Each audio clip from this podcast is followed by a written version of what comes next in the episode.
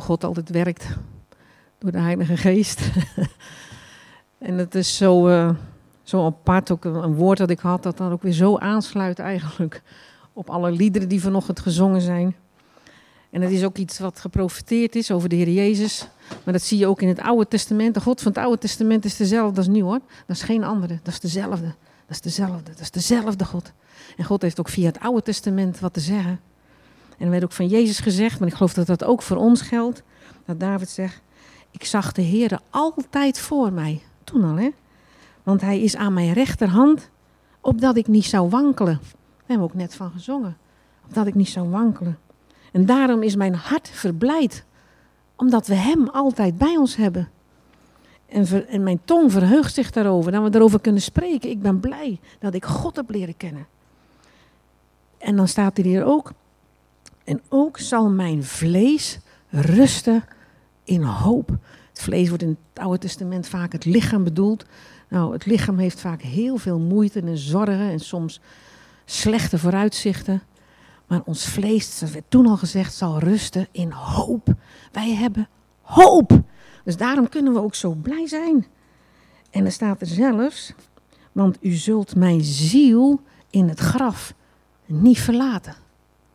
Wij gaan niet echt dood. Het lichaam van ons gaat nog wel dood. Dat van de Heer Jezus zag geen ontbinding. Dat van ons misschien wel, als het een beetje te lang duurt voordat we naar boven gaan. Maar uh, je ziel, wat stond daar? Uh, u zult, God zal, zal je ziel niet verlaten. Dan staat er ook van degenen die in hem zijn. Je gaat gewoon gelijk door. Huppatee, gelijk naar boven. Dus, en hij heeft de wegen bekendgemaakt waarin je leven vond. Je hebt leven gevonden door hem. Ja, en we beleiden ook, Yahweh is de enige waarachtige God. En Jezus Christus is zijn zoon.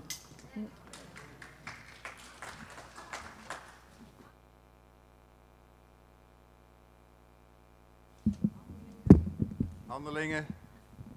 Handelingen staat het. Twee.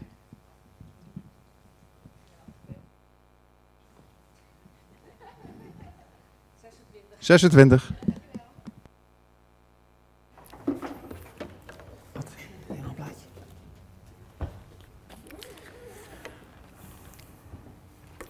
Goedemorgen allemaal.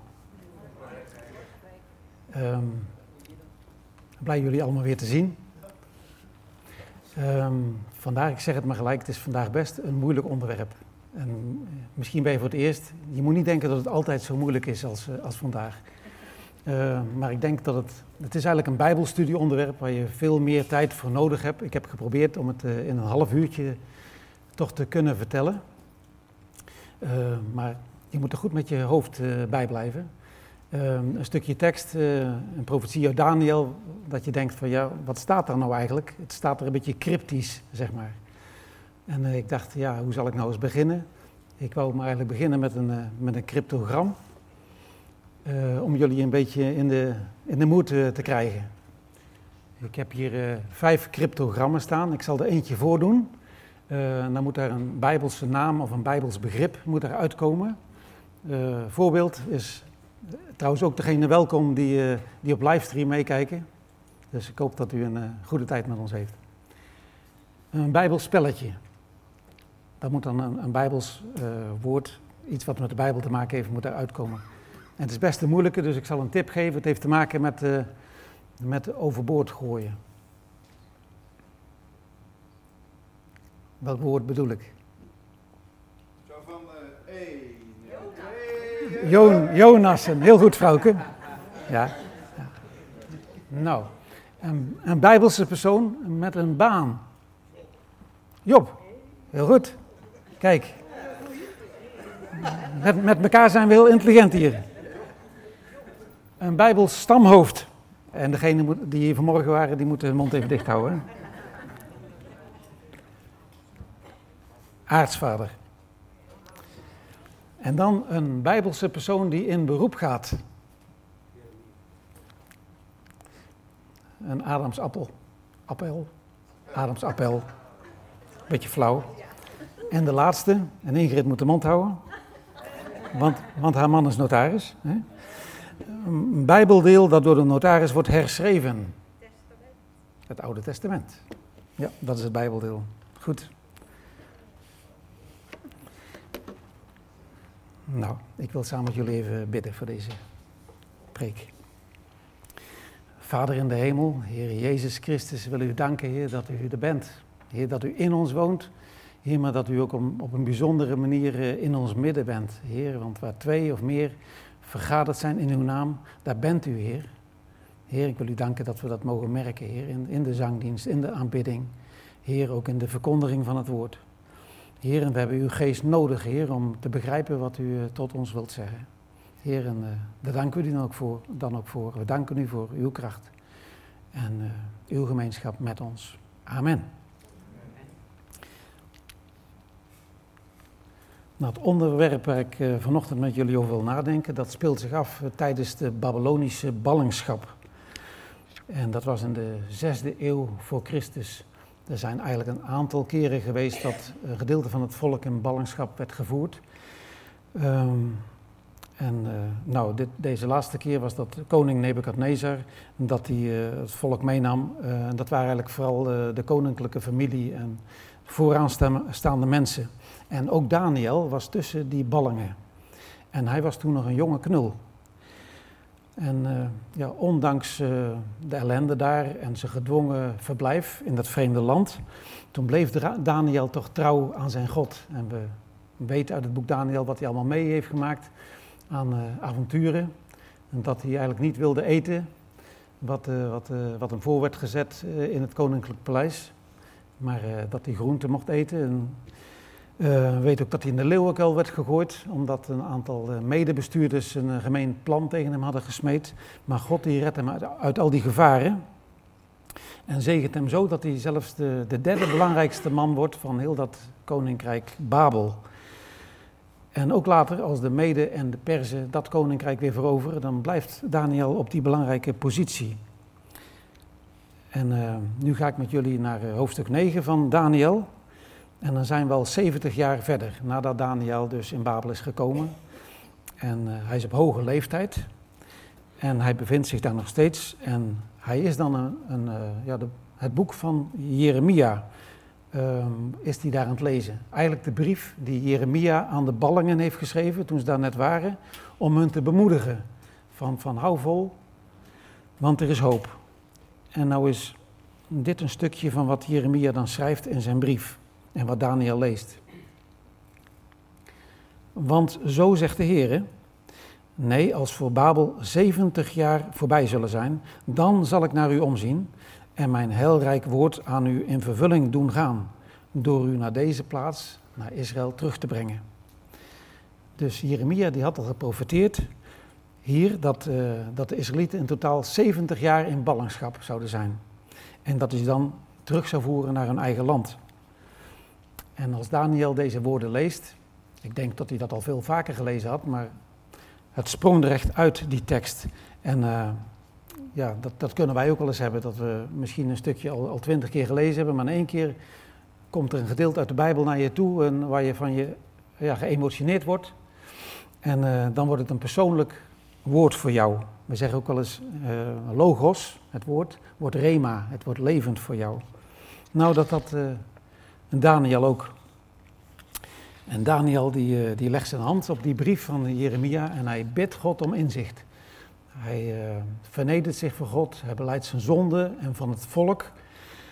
En, uh, en dan komt de engel Gabriel, hè, dat is een aartsengel, hè, de engel die ook de geboorte van Jezus aankondigde. En Gabriel die zegt bij het begin van jouw smeekbede, Daniel, toen heb ik al een woord gekregen dat ik uit mocht gaan om jou het antwoord te geven. En dit is het antwoord wat Gabriel dus aan Daniel geeft. 70 weken zijn bepaald over uw volk en uw heilige stad, om de overtreding te voleindigen, de zonde af te sluiten, de ongerechtigheid te verzoenen en om eeuwige gerechtigheid te brengen. Gezicht en profeet te bezegelen en iets allerheiligst te zalven. Weet dan en versta, vanaf het ogenblik dat het woord uitging om Jeruzalem te herstellen en te herbouwen, tot op een gezalfde, een vorst, zijn zeven weken. En 62 weken lang zal het hersteld en herbouwd blijven. met plein en gracht, maar in de druk der tijden. En na de 62 weken zal een gezalfde worden uitgeroeid, terwijl er niets tegen hem is. En het volk van een vorst die komen zal, zal de stad en het heiligdom te gronden richten, maar zijn einde zal zijn in de overstroming. En tot het einde toe zal er strijd zijn, verwoestingen waartoe vast besloten is. En hij zal het verbond voor velen zwaar maken, een week lang. In de helft van de week zal hij slachtoffer en spijsoffer doen ophouden. En op een vleugel van gruwelen zal een verwoester komen. En wel tot aan de voleinding toe. En waartoe vast besloten is. Dat zal zich uitstorten over wat woest is. Nu begrijpen jullie misschien wat ik een beetje bedoel met cryptisch. Hè? Want er is in eerste instantie eh, moeilijk om er echt iets van te maken en een boodschap uit te halen. En ik wou het toch proberen om er samen met jullie eh, wat duidelijkheid over te krijgen. Het is inderdaad een hele moeilijke tekst, een van de moeilijkste stukjes van de Bijbel. Eigenlijk iets voor, voor, voor een Bijbelstudie, voor meer Bijbelstudies. Maar ja, daar komen jullie ook niet allemaal. Dus uh, daarom toch maar in deze preek. Want ik denk hè, dat, uh, dat deze profetie juist wel met het oog op onze tijd geschreven is en dat het heel actueel is. 70 weken zijn bepaald over uw volk en uw stad. Nou, de eerste wat we moeten vaststellen, dat is uh, over wie uh, spreekt Gabriel deze woorden uit. Het gaat niet over Nederland, over Amerika. Nee, het gaat over een volk en een stad. En het gaat om, om Israël en het gaat om Jeruzalem. Want dat, daarover had Daniel ook gevraagd in zijn gebed. En over dat volk Israël en over Jeruzalem, daar zijn dus 70 weken over vastgesteld. En nou is het begrip 70 weken, dat is wat ongelukkig vertaald. Want eh, als je de grondtekst zou lezen, dan staat daar 70 zevens zijn bepaald. En zevens, dat kan van alles zijn, hè? dat kunnen dagen zijn, maanden, jaren.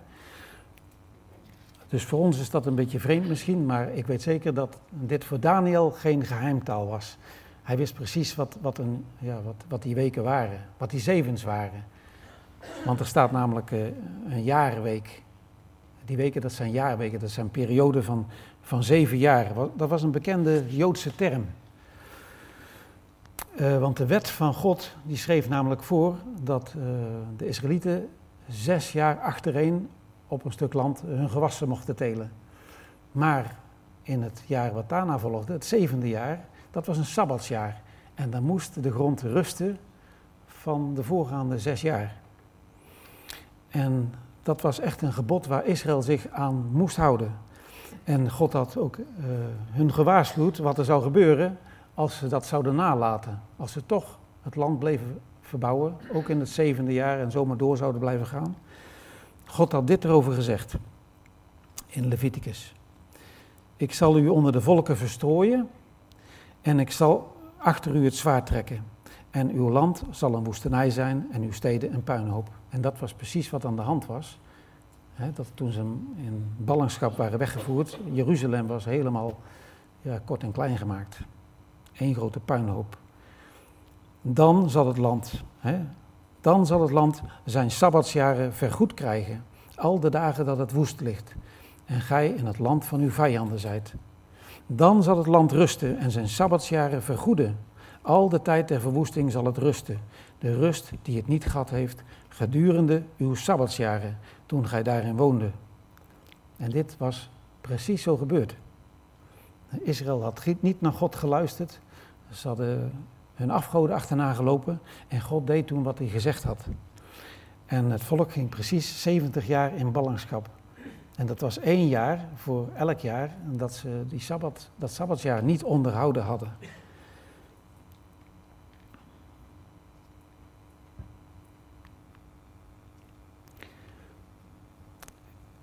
Er staat 70 weken zijn bepaald. En we weten nu dat die weken dat het jaarweken zijn. Dus 70 keer 7 jaar zijn vastgesteld om. Um, hoeveel is 70 maal 7 jaar? 490, ja. ja.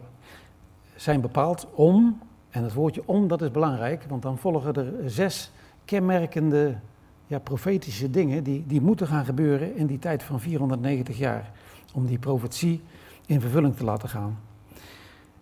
Ten eerste om de ongerechtigheid te voleindigen, zijn die 70 jaarweken nodig. Om de zonde af te sluiten, om de ongerechtigheid te verzoenen. En bij deze drie dingen kunnen we ons nog wel voorstellen uh, wat daarmee wordt bedoeld als we denken aan het verlossingswerk van de Heer Jezus. Maar bij die andere drie wordt dat een beetje lastiger.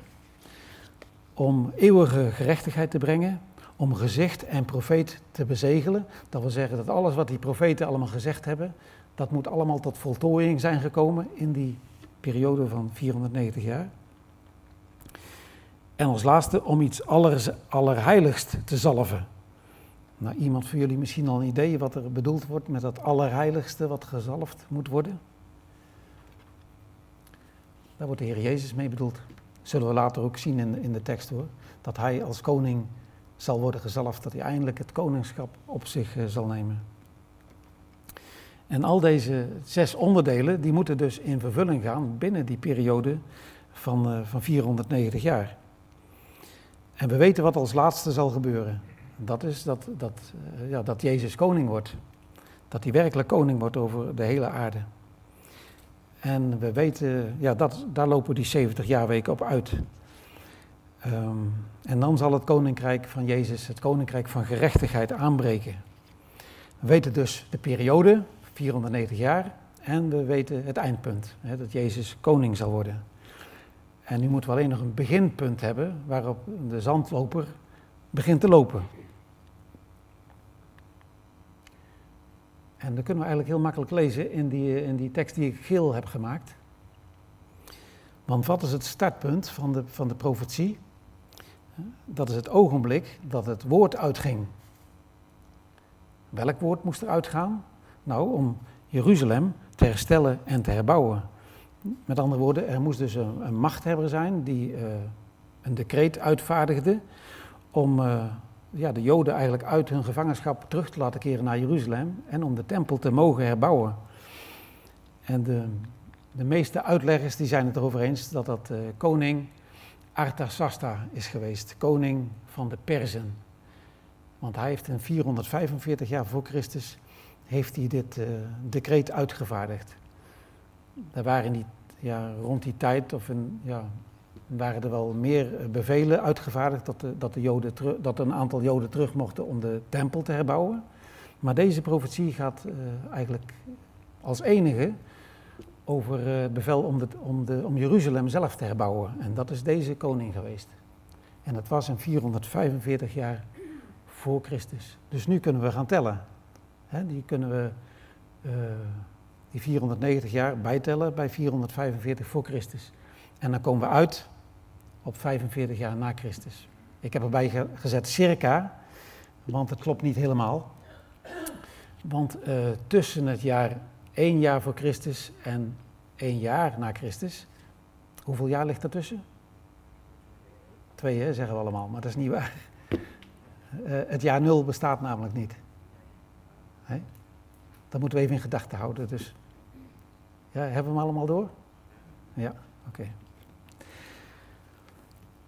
Uh, dus het kan ook, uh, zou ook 44 jaar na Christus uh, kunnen zijn.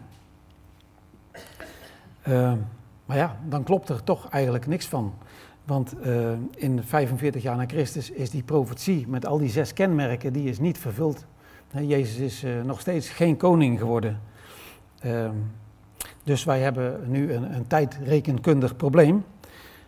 Maar we gaan uit van de betrouwbaarheid van de Bijbel. En God die heeft dit allemaal voor ons ja, op laten schrijven. Dus uh, het moet kloppen. Hij heeft het ons niet voor niks bekendgemaakt. Um, en er is ook een oplossing. En die oplossing is namelijk dat die 70 jaarweken, dat is geen aaneengesloten periode. Die weken die, die sluiten niet allemaal op elkaar aan. Er moet ergens in die 490 jaar een onderbreking zitten. En misschien denk je wel van ja, dat, dat vind ik een beetje een goedkope oplossing een, eh, een onderbreking in een, in een profetie. Maar eigenlijk is dat helemaal niet ongewoon dat dat gebeurt in, in profetieën in de Bijbel. Dat gebeurt veel vaker. En ik ga er ook een, een voorbeeld van geven. dit is een tekst uh, in Jesaja 61. Uh, en Jezus is op een uh, bepaalde dag is die in de synagoge van Nazareth. En daar wordt hem het boek van uh, Jezaja aangereikt om daaruit voor te lezen. En Jezus leest deze profetie hardop voor. De geest van de Heere Heere is op mij, omdat de Heere mij gezalfd heeft. Hij heeft mij gezonden om een blijde boodschap te brengen aan ootmoedigen en om te verbinden gebrokenen van hart. Om voor de gevangenen vrijlating uit te roepen en voor gebondenen opening van de gevangenis. En, en om uit te roepen een jaar van het welbehagen van de Heere. En daarna klapt Jezus het boek dicht en geeft het terug aan de dienaar. En dan zegt hij, heden is dit schriftwoord in uw oren vervuld. dus hij zegt tegen de gemeente, hij zegt van, uh, ik ben het, ik ben de Messias, waar Jezaja 700 jaar geleden over geschreven heeft. Maar ik weet niet of jullie het opgemerkt hebben, ik heb iets geel gemaakt. Het gele zinnetje, dat was iets wat Jezus over had geslagen. Hij, uh, hij deed het boek dicht voordat het ging over de wraak van, van onze God. Want dat kon Jezus namelijk helemaal niet zeggen, want dat was nog niet vervuld. die, die voorgaande dingen wel. Dus in, ook in deze profetie van Jezaja zit gewoon al een gat van, uh, van nu al 2000 jaar. Hè, dat Jezus leefde en de dag van de wraak van God die nog moet komen. Dus ik wil maar zeggen, een, een eh, onderbreking in de profetische vervulling van een profetie, dat is geen vreemde zaak. En zo, uh, zo is het ook met, met deze profetie over de 70 jaarweken.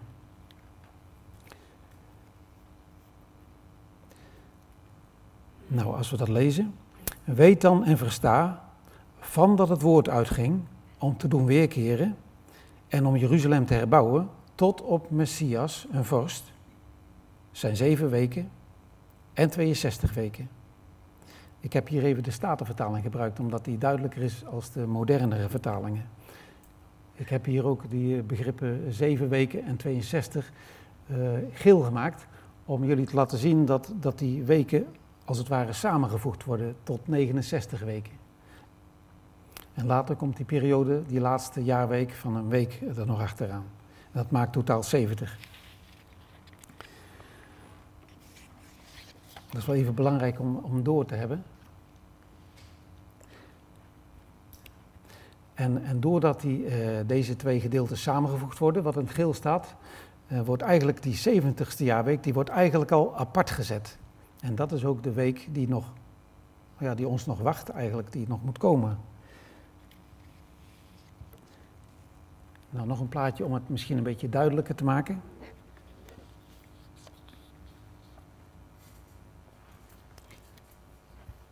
Even hier staan. Hier staat, en na de 62 weken zal een gezalfde worden uitgeroeid. Dan moet je even in gedachten houden dat voor die 62 weken, daar lag nog die, die 7 weken. Dus eigenlijk kun je ook lezen, na die 69 weken zal een gezalfde worden uitgeroeid. Ja, en wie is die gezalfde? Dat, dat weten we intussen, hè? Dat, dat is Jezus.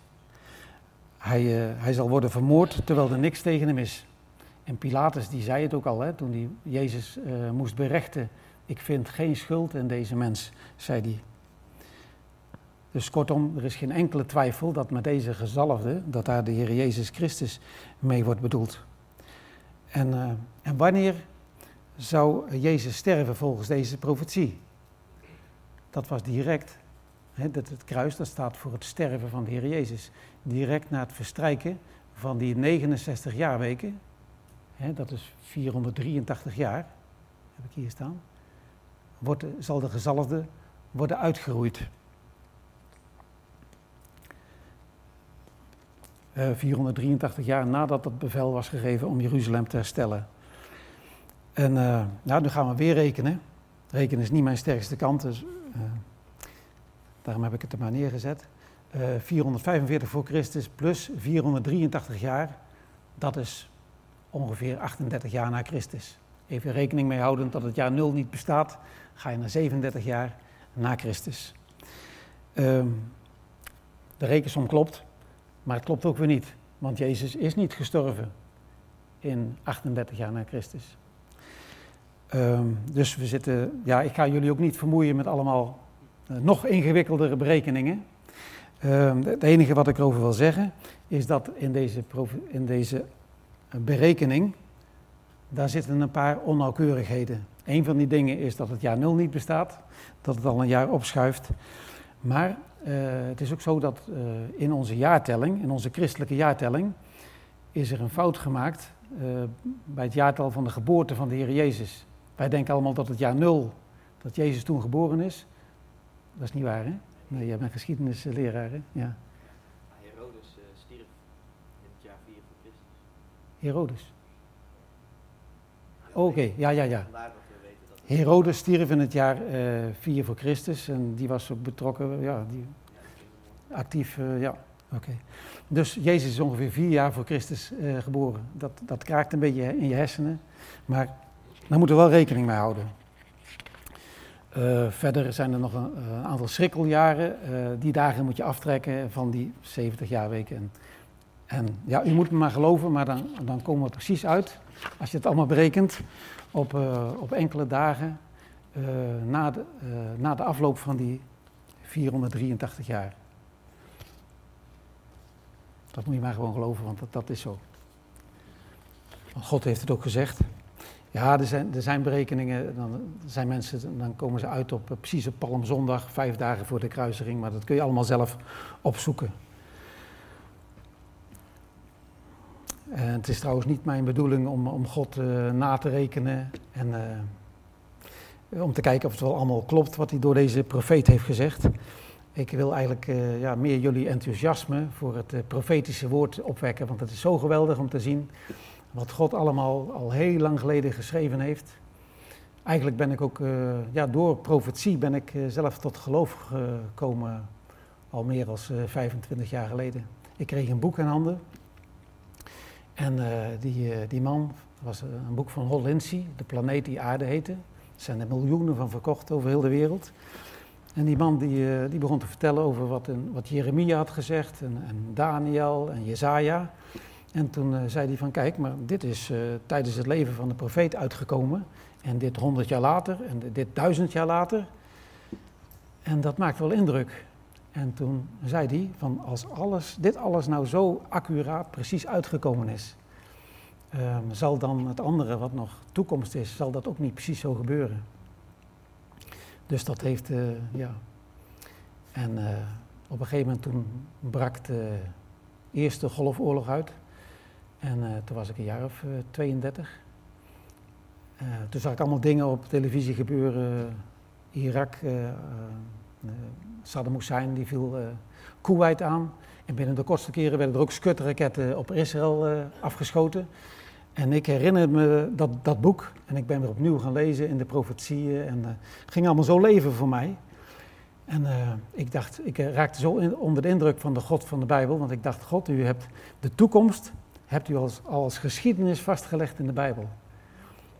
En ja, dus ik wil u daar ook enthousiast voor maken. En, en ik wil ook mensen wakker schudden die misschien denken dat het nog heel lang duurt voordat de Heer Jezus terugkomt. Ik denk uh, dat we heel ver zijn in de tijd. Nou, en wat zou er gaan gebeuren nadat die gezalfde is uitgeroeid? Het volk van een vorst die komen zal, zal de stad en het heiligdom te gronden richten. Ik denk dat dat uh, doelt op de verovering van Jeruzalem door de Romeinen in 70 jaar na Christus. En nu is dan die 69ste jaarweek voorbij en zou eigenlijk de laatste week van zeven jaar zou moeten beginnen. Maar hier, precies op dit punt van het kruis, daar zit de knip in de, in de profetie. Daar zit het hiaat en de onderbreking in de tijd. Dat moet wel, want die 70, jaar, 70ste jaarweek is niet, is niet uh, gebeurd. En de Joden die hebben uitgeroepen, wij willen niet dat deze Jezus koning over ons wordt. Hè? En, uh, en de Heer Jezus wordt gekruisigd. En dan doet God iets bijzonders. Dan zet hij voor Israël de tijdrekening stil. Het is net of hij op zijn stopwatch drukt. Van hier stoppen we die 69 weken. En die 70ste week, die ga ik uitstellen. Israël heeft haar Messias verworpen en Israël wordt terzijde gesteld. Tijdelijk, niet helemaal. Dit hebben uh, dominees in allerlei kerken heel, heel lang verkondigd. Dat noemen ze de vervangingstheologie. Uh, Israël heeft de Messias afgewezen. Nu is de kerk in de plek van Israël gekomen. En alle beloften van Israël gelden nu voor de gemeente. Maar dat is een valse leer. God is nog lang niet klaar met Israël. Maar die, in die 70ste jaarweek dan zal de focus van God weer teruggaan naar Israël. In de vorige eeuw was er een, uh, een Amerikaanse predikant, een bijbelonderzoeker. En die heette Clarence Larkin. En misschien moet u dat maar eens opschrijven en op gaan googlen. Want hij heeft hele mooie tekeningen gemaakt en schetsen van allerlei bijbelse gebeurtenissen. Kijk, en dit is een van de tekeningen die hij gemaakt heeft. En dit is nou precies een tekening over de profetie waar wij het uh, vanmorgen over hebben. Hij noemt het zelf de Mountain Peaks of Prophecy. Oftewel de, de 70, of de, ja, de, de bergtoppen van de, van de profetie. Ik zal hier even staan.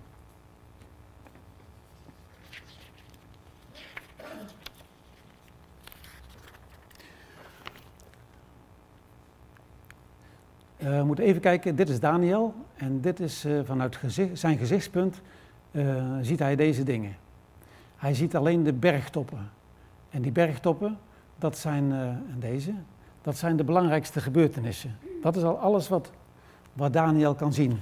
Dat is al heel veel natuurlijk, want hij, hij zag de komst van de gezalfde, hè, de Heer Jezus. En uh, wat hij ook zag, de dood van de gezalfde, dat de vorst, uh, de Messias, zou worden uitgeroeid. Maar het dal, wat tussen die bergen ligt, dat kon hij niet zien. Wel kon hij kijken naar de volgende bergtop. En dat is de vorst die komen zal. En die, ja, die Israël straks in het nauw zal brengen. Daar zal ik straks nog iets van zeggen. En hij zag ook uh, de komst van de Heer Jezus die dus lijfelijk terug zal komen op de aarde om zijn koninkrijk op te richten. Dat zag Daniel ook. Maar wij, wij uh, kunnen nu vanaf de zijkant tegen het plaatje kijken. En wij hebben eigenlijk een veel breder panorama. We zien de, vallei, de valleien die tussen die bergen liggen. Want dit is de periode van 2000 jaar van de gemeente waarin wij nu leven. Uh, nadat de antichrist, uh, als dat geweest is, en de Heer Jezus uh, zijn voet op de Olijfberg uh, zet, breekt zijn duizendjarig koninkrijk aan. Dan weten we dat de, dat de duivel, die is gebonden gedurende die duizend jaar met zijn demonen, die moet worden losgelaten na die duizend jaar. dan krijg je een korte machtexplosie van de Satan, heel kort. En dan komt de Heer Jezus terug. En dan uh, begint de eeuwigheid. Kijk, en, wij kunnen veel meer zien op het plaatje. We zien hier dat na de dood van Jezus uh, stort Jezus uh, zijn Heilige Geest uit. Pinksteren is het dan. En dan begint die periode die nu bijna 2000 jaar heeft geduurd. En dat is het tijdvak waarin wij dus nu leven. De periode van de gemeente. En God ja, eigenlijk was dat een geheimenis. Paulus noemt dat ook een geheimenis, de gemeente. Want geen profeet in de Bijbel had het over de gemeente gehad. Over dat, dat wij, hè, u en mij, uh, bij dat volk van God mogen horen. Een nieuw volk. En Paulus die schrijft er onder andere over. Een gedeeltelijke verharding is over Israël gekomen. Totdat de volheid der heidenen binnengaat.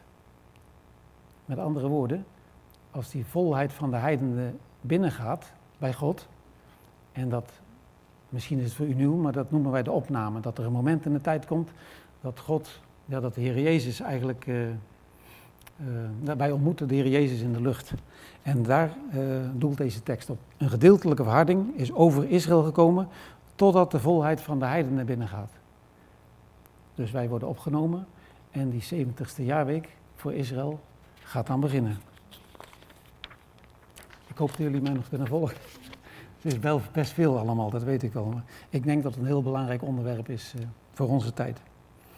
Dus Paulus noemt dit al een, eh, een mysterie. En er. Ga ik weer terug. En er komt een moment dat de gemeente wordt weggenomen. Dat het echt gaat gebeuren. Er zijn eh, best een aantal plekken in de Bijbel waar dat wordt, wordt aangekondigd. En een van de belangrijkste aanwijzingen uh, dat de gemeente ja, eerst moet worden weggenomen voordat God verder gaat met Israël, dat ligt hier op, op dit moment. Op dit moment. Het ligt wel versluierd, een, beetje verborgen, maar het ligt hier wel. Als het getal van de gemeente vol is, dan, ja, dan gaat die, wordt die profetie helemaal vervuld. En trouwens, als we gewoon om ons heen kijken en, uh, en kijken naar wat, wat de Heer Jezus de tekenen van de tijd noemt. Hij zegt dat we onze ogen open moeten houden en moeten kijken naar de tekenen van de tijd. Want dan weten we hoe laat het is. En uh, dat de Heer Jezus gewoon, uh, dat we heel dicht bij het punt zijn dat de Heer Jezus zijn gemeente wil komen halen. We zien overstromingen, heel dichtbij, totaal niet verwacht. We zien besmettelijke ziektes. We zien de wetteloosheid ontzettend toenemen. Dat je denkt, hoe bestaat het dat in een paar jaar tijd dat er allerlei dingen over de wereld heen komen. En Jezus zegt van, let op, want ik heb het allemaal voorzegd. Nou, dan kom ik aan de laatste dia, die ga ik gewoon heel kort toelichten, want daar hebben we allemaal geen tijd voor. Maar ik wil u ook uitnodigen om thuis ook uh, misschien verder te lezen en te zoeken. Um, dan begint de 70ste jaarweek. Er komt een verschrikkelijke tijd ja, voor Israël aan. Een tijd van grote benauwdheid, een grote verdrukking wordt het ook wel genoemd. Er zal op een gegeven moment een wereldleider ten tonele verschijnen. Uh, er staat in Daniel 9, maar in Daniel 11 wordt dat helemaal in detail uitgewerkt. Um, en hij zal, zorgen, hij zal eigenlijk een vredesverdrag met, uh, met Israël sluiten. Uh, een schijnvrede zal dat zijn. Want Jezaja zal later daarvan zeggen, uh, het zal een, een, verbond zijn wat ze sluiten met de antichrist. Um, een verbond met de dood, een verbond met een dodenrijk. En hij zal het verbond zwaar maken, halverwege die week, dus halverwege die jaarweek, na drieënhalf jaar dan zal de, die antichrist, de mens der wetteloosheid, die zal Israël verraden. Voor die tijd heeft hij waarschijnlijk gezorgd dat ze een tempel hebben kunnen bouwen. Uh, en alles staat klaar hoor. Voor die, de Joden die hebben alles klaarstaan om dat te doen. Dat kan in heel korte tijd gebeuren. Ze zullen hun offerdiensten weer uh, draaien, zeg maar. Maar die antichrist die zal zorgen dat dat spijsoffer en dat die offers zullen ophouden. Ze moeten daarmee ophouden. De antichrist die zal een gruwel van verwoesting. En gruwel, dat is eigenlijk altijd in de Bijbel een naam van, van een afgod. Hij zal een verschrikkelijk beeld in die tempel plaatsen. En hij zal zichzelf als God uitroepen in die tempel in Jeruzalem. Dus die tempel wordt ontheiligd. Uh, en, maar dan, als de nood op zijn hoogst is, dan zal de Heer Jezus terugkomen. En dan zal hij terugkomen als de Messias voor zijn volk. Ja, en dat zijn dus dingen die, uh, ja, die Israël te wachten staat. En dingen die wij als gemeente niet mee hoeven te maken. Als wij onze blik richten op Jezus en uh, ernst maken om, om Hem te volgen. En, en, en uh, de dag tegemoet zien dat Hij ons komt halen. En over die dag zegt Jezus in Openbaring, hoofdstuk 3, zie, ik heb een geopende deur gegeven. En ik denk dat dat ook een moment van opname is. We zien onszelf ook steeds meer in het nauw worden. Je kunt steeds moeilijker over Jezus praten. Uh, ik heb een geopende deur gegeven, een ontsnappingsmogelijkheid. Omdat jullie het bevel hebben bewaard om mij te blijven verwachten, zal ook ik u bewaren voor het uur der verzoeking die over de hele wereld komen zal. Ik kom spoedig. Hou vast wat u hebt, opdat niemand uw kroon nemen.